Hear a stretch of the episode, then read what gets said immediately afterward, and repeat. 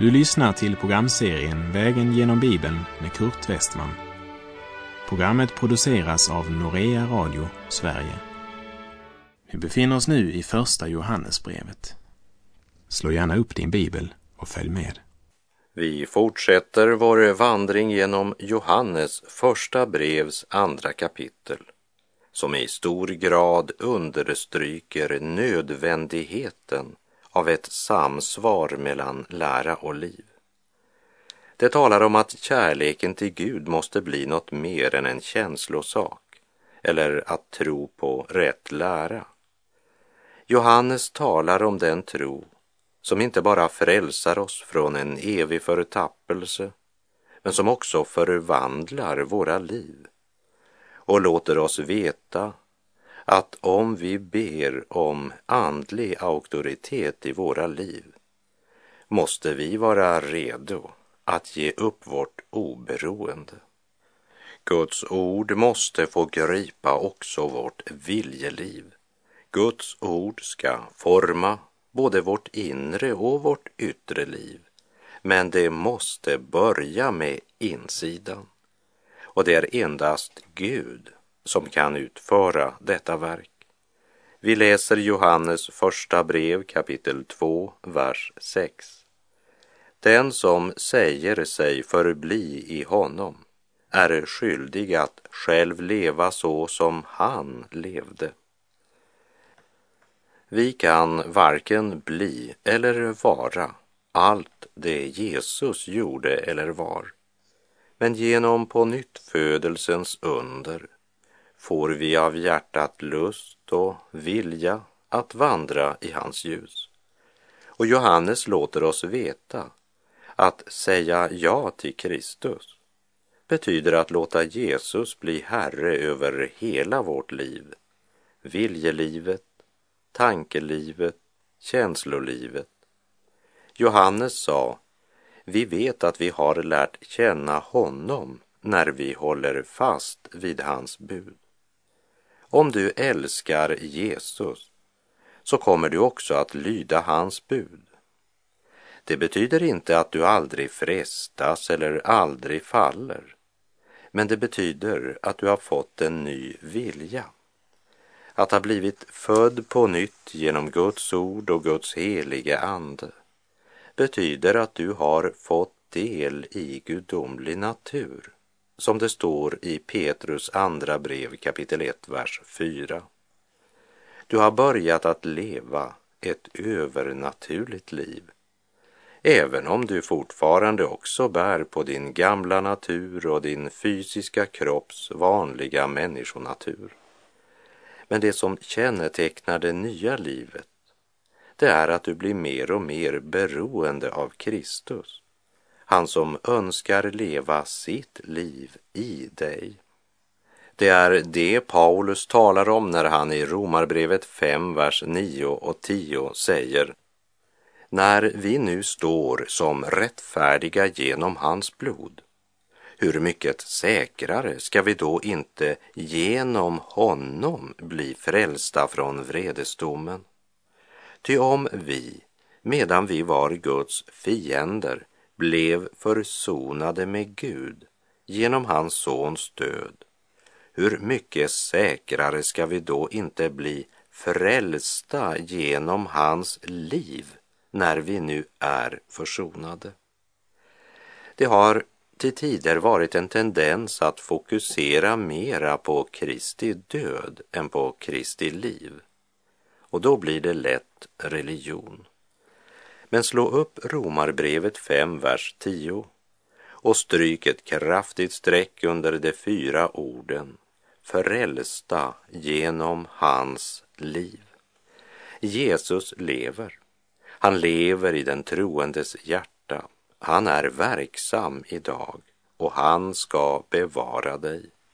Du blir frälst genom hans liv det vill säga det liv som Kristus nu lever i dig. Men om Herren Jesus ska kunna leva sitt liv genom dig här i denna syndens värld, så som han en gång levde när han vandrade här nere, då är det nödvändigt att du blir klar över hur han levde då, så att du kan veta hur han ska leva genom dig nu. Och för att få veta det måste du studera det gamla och det nya testamentet. Hela tiden med denna fråga i ditt hjärta. Hur levde Jesus? Hur beroende var han av Fadern? Du kan veta, om du bara vill veta. Allt sammans finner du i Guds ord. Men du måste göra dig besväret att studera, söka och begrunda under bön om att Guds helige ande ska uppenbara sanningen om Kristus för ditt hjärta.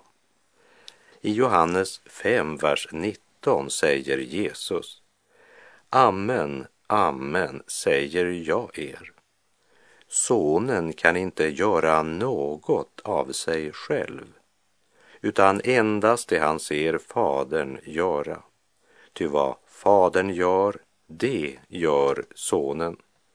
Sonen kan inte göra något av sig själv, det vill säga han är i allt helt beroende av Fadern.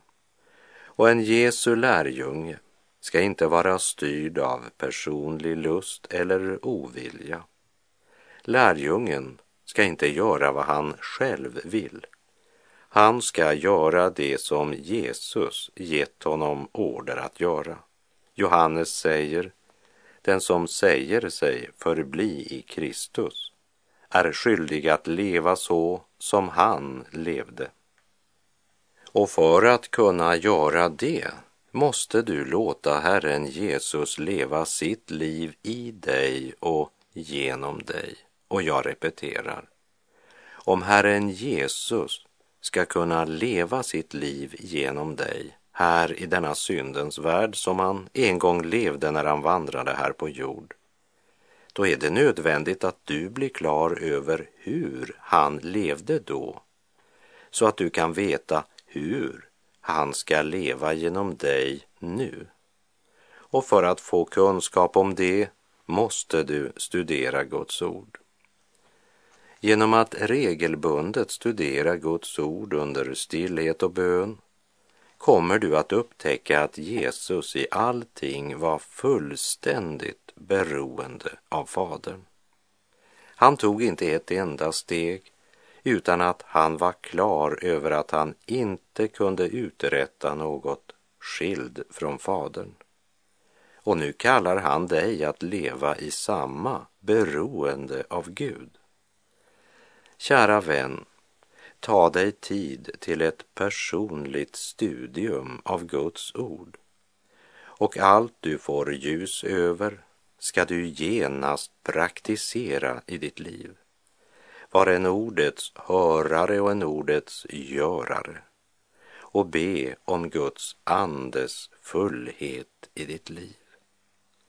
Till de troende i Efesus skrev Paulus i Efeserbrevet 5.18 Berusa er inte med vin. Sådant leder till ett liv i laster. Låt er istället uppfyllas av anden. Låt dig istället uppfyllas. Låt dig säger oss att detta är inte något som Gud påtvingar dig. Tvärtom, det är något som du måste låta ske.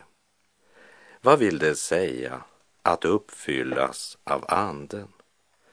Vi finner parallellen eller motsvarigheten i mannen som dricker, vilket också är orsaken till att Paulus nämner alkoholen och anden som motsatser. Mannen som dricker är både styrd och behärskad av alkoholen. Man kan se om en man är drucken. Och när man möter en man som varit alkoholiserad i många år så kan man se det på honom även när han är nykter.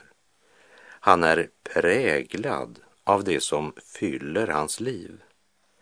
Som en kontrast till alkoholen så skulle den helige ande uppfylla och regera en kristens liv och vardag. En gudomlig beruselse som får helt motsatta yttringar. Den som berusas av alkohol och droger mister omdömet och mister kontrollen och vet inte riktigt vad han gör. Den som fylls av anden behärskas av anden, står under Guds kontroll och har båda benen på jorden och hjärtat i himlen. Den som säger sig förbli i Kristus är skyldig att leva så som han levde.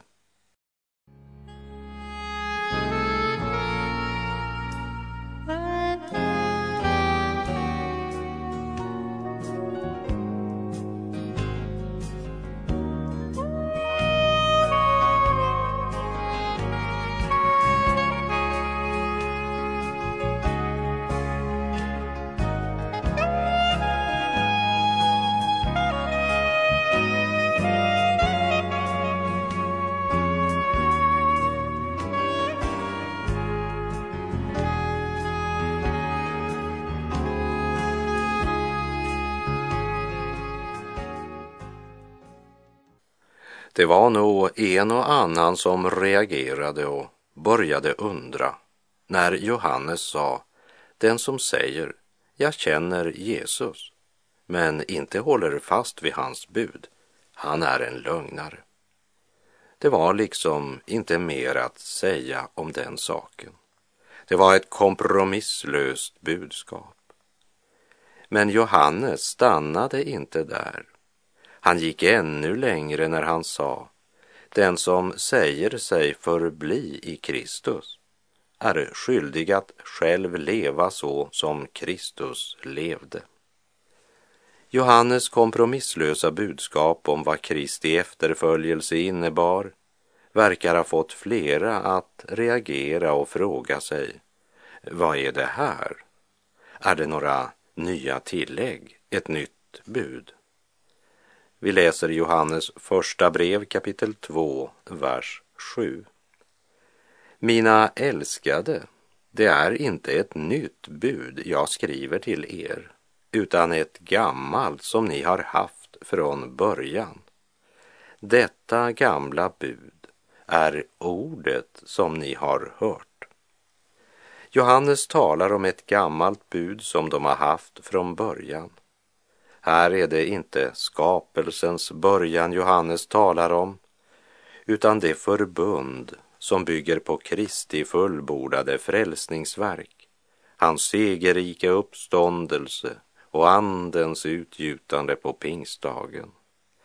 Alltså den evangeliska församlingens början, när de började få sin första undervisning om Kristi död och uppståndelse och det Johannes nu talar om har varit med helt från den dag då Jesus började undervisa sina lärjungar. I Johannes evangeliet 13 kapitel, vers 34 och 35 säger Jesus Ett nytt bud ger jag er, att ni ska älska varandra. Så som jag har älskat er ska också ni älska varandra. Om ni har kärlek till varandra ska alla förstå att ni är mina lärjungar. Och i Johannes 15.10 fortsätter han. Om ni håller mina bud förblir ni i min kärlek, liksom jag har hållit min faders bud och förblir i hans kärlek.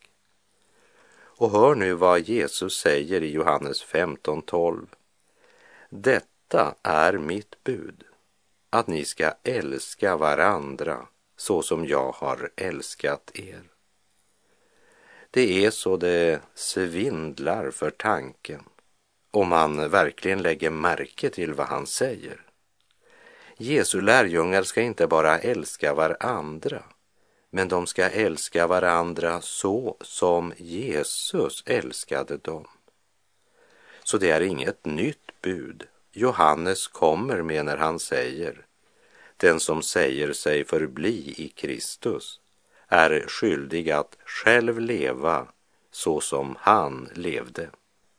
Det är inget nytt, säger Johannes. Jesus har ju själv sagt det här helt från början. Men jag skriver och påminner om dessa sanningar eftersom det är nödvändigt för att vi inte ska glömma hur radikalt Jesu budskap och kallelse är. Men hör nu, Johannes säger, det är inget nytt bud, men ändå är det nytt. Johannes första brev kapitel 2, vers 8. Ändå är det ett nytt bud jag skriver till er. Detta är sant i honom och i er, eftersom mörkret viker och det sanna ljuset redan lyser. Detta är sant i honom. Ja, det var först genom Jesus vi kom i gemenskap med Gud och i gemenskap med pånyttfödda bröder och systrar. Andens gemenskap kom först efter att anden blev utgjuten.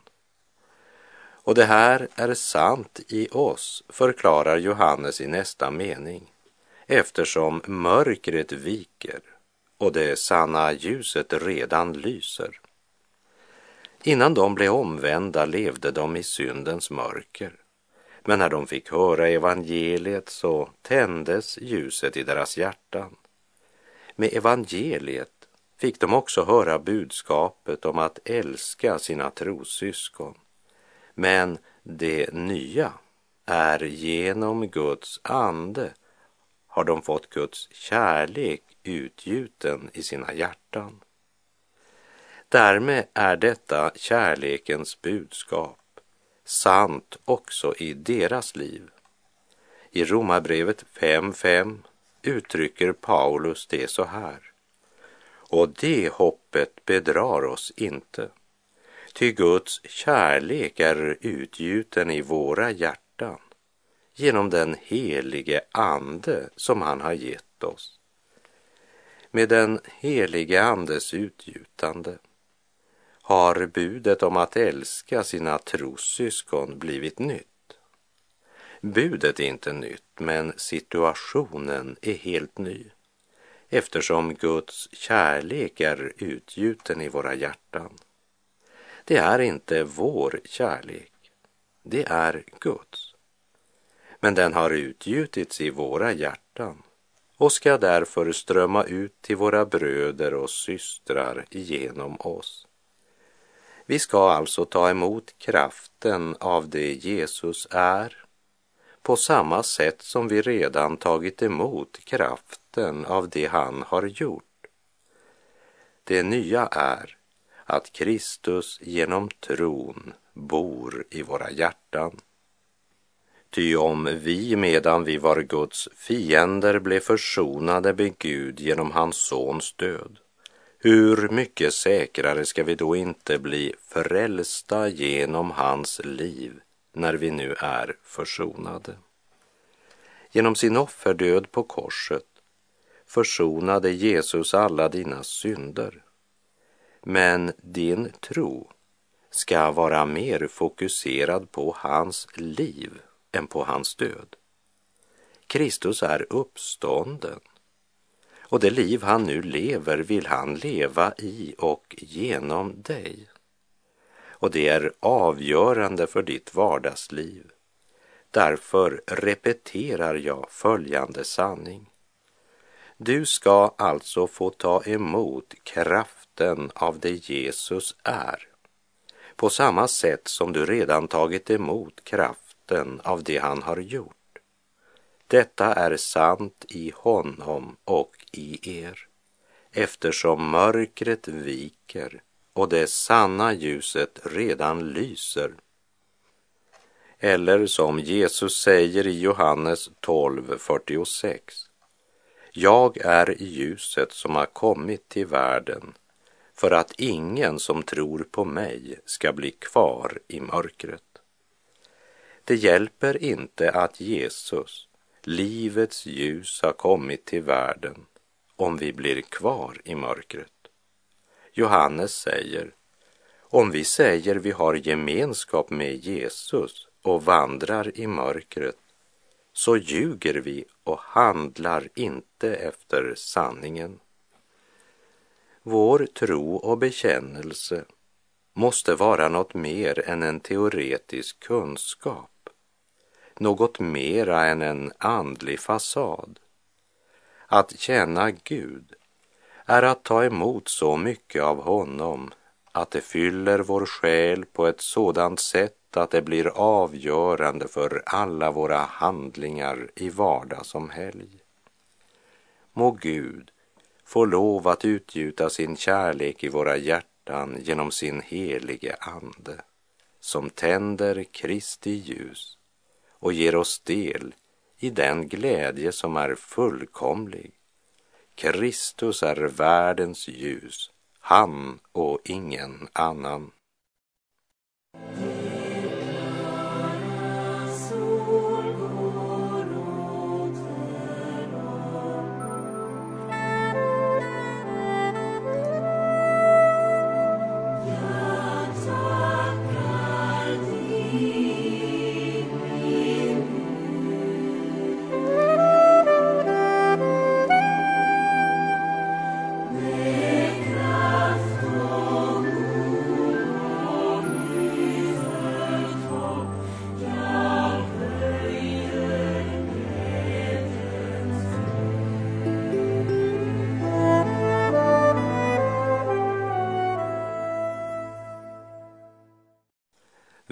Läser Johannes första brev kapitel 2, vers 9. Den som säger sig vara i ljuset och hatar sin broder är ännu kvar i mörkret. Det är omöjligt för dig som Guds barn att vandra i ljuset och samtidigt hata din broder. För att hata, det är att leva i mörkret. Och då talar Bibeln inte om irritation eller ett ögonblicks känsloreaktion, men om en hållning.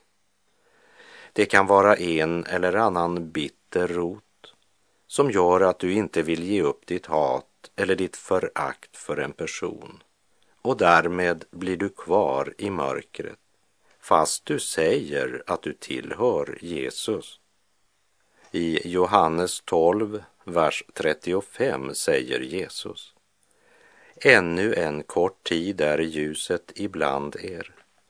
Vandra medan ni har ljuset, så att mörkret inte övervinner er. Den som vandrar i mörkret vet inte vart han går. Det vill säga, han blir andligt blind utan att själv vara klar över det eftersom hatet har släckt ljuset så att han inte längre vet vart han går. Det är ett oerhört allvar i Jesu ord. Han vet inte vart han går. Liksom mörkret kännetecknas av hatet så är det kärleken som är ljusets kännetecken. Vi kan inte hata vår broder om Guds kärlek är utgjuten i våra hjärtan, som Paulus skrev i Romarbrevet 5.5. Om du hatar eller föraktar en trosbroder eller trossyster så är det någonting fundamentalt fel med din tro och bekännelse. Det betyder inte att det inte finns människor vars handlingar verkar motstötande eller obegripliga. Det betyder inte heller att det inte finns andra troende vars handlingar och hållningar du inte kan vara enig i. Men om du hatar någon, bär på bitterhet mot någon, så avslöjar det att du fortfarande lever i mörkret. I Efeserbrevets fjärde kapitel varnar Paulus de troende i Herren och säger att de inte längre ska leva som hedningarna. Hedningarnas tankar är tomma, deras förstånd förmörkat. Det är främmande för livet i Gud. därför att de är okunniga och i sina hjärtan hårda som sten. Hur annorlunda är det då inte med den som vandrar i ljuset? För den som trots sin mänskliga skröplighet lever i ljuset, han bevaras i gemenskap med honom som utöser sin kärlek i våra hjärtan.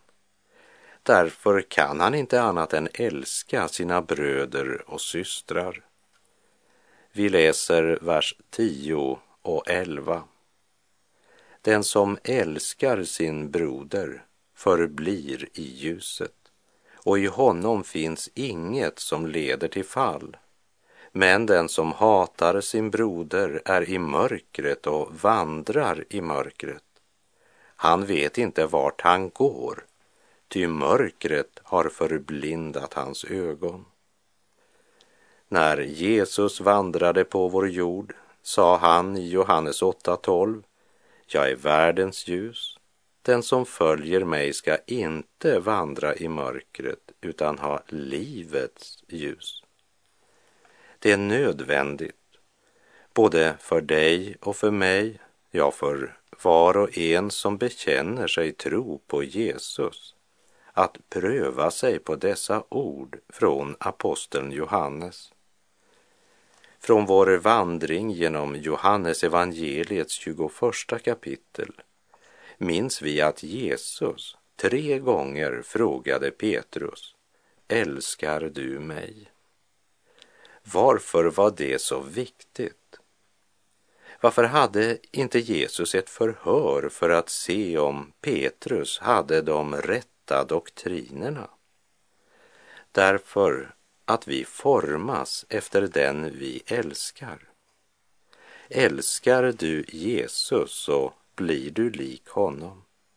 Älskar du världen så blir du lik världen. Och försök inte upparbeta dig en kärlek, utan öppna ditt hjärta för Gud, så att han genom sin helige ande får utgjuta sin kärlek i ditt hjärta. Och vill du göra något för din medmänniska så börja med att älska honom. Den som älskar sin broder förblir i ljuset och i honom finns inget som leder till fall. Men den som hatar sin broder är i mörkret och vandrar i mörkret. Han vet inte vart han går, ty mörkret har förblindat hans ögon. Jag ber att vår Herre Jesu Kristi Gud, härlighetens fader, ska ge oss vishetens och uppenbarelsens ande så att vi får en rätt kunskap om honom som är skrifternas Jesus och att vi också får nåd att handla i samsvar med vår kunskap och att Guds kärlek ska bli utgjuten i våra hjärtan. Herren vare med dig. Må hans välsignelse vila över dig och må du få nåd att vandra i ljuset och älska bröderna. Gud är god.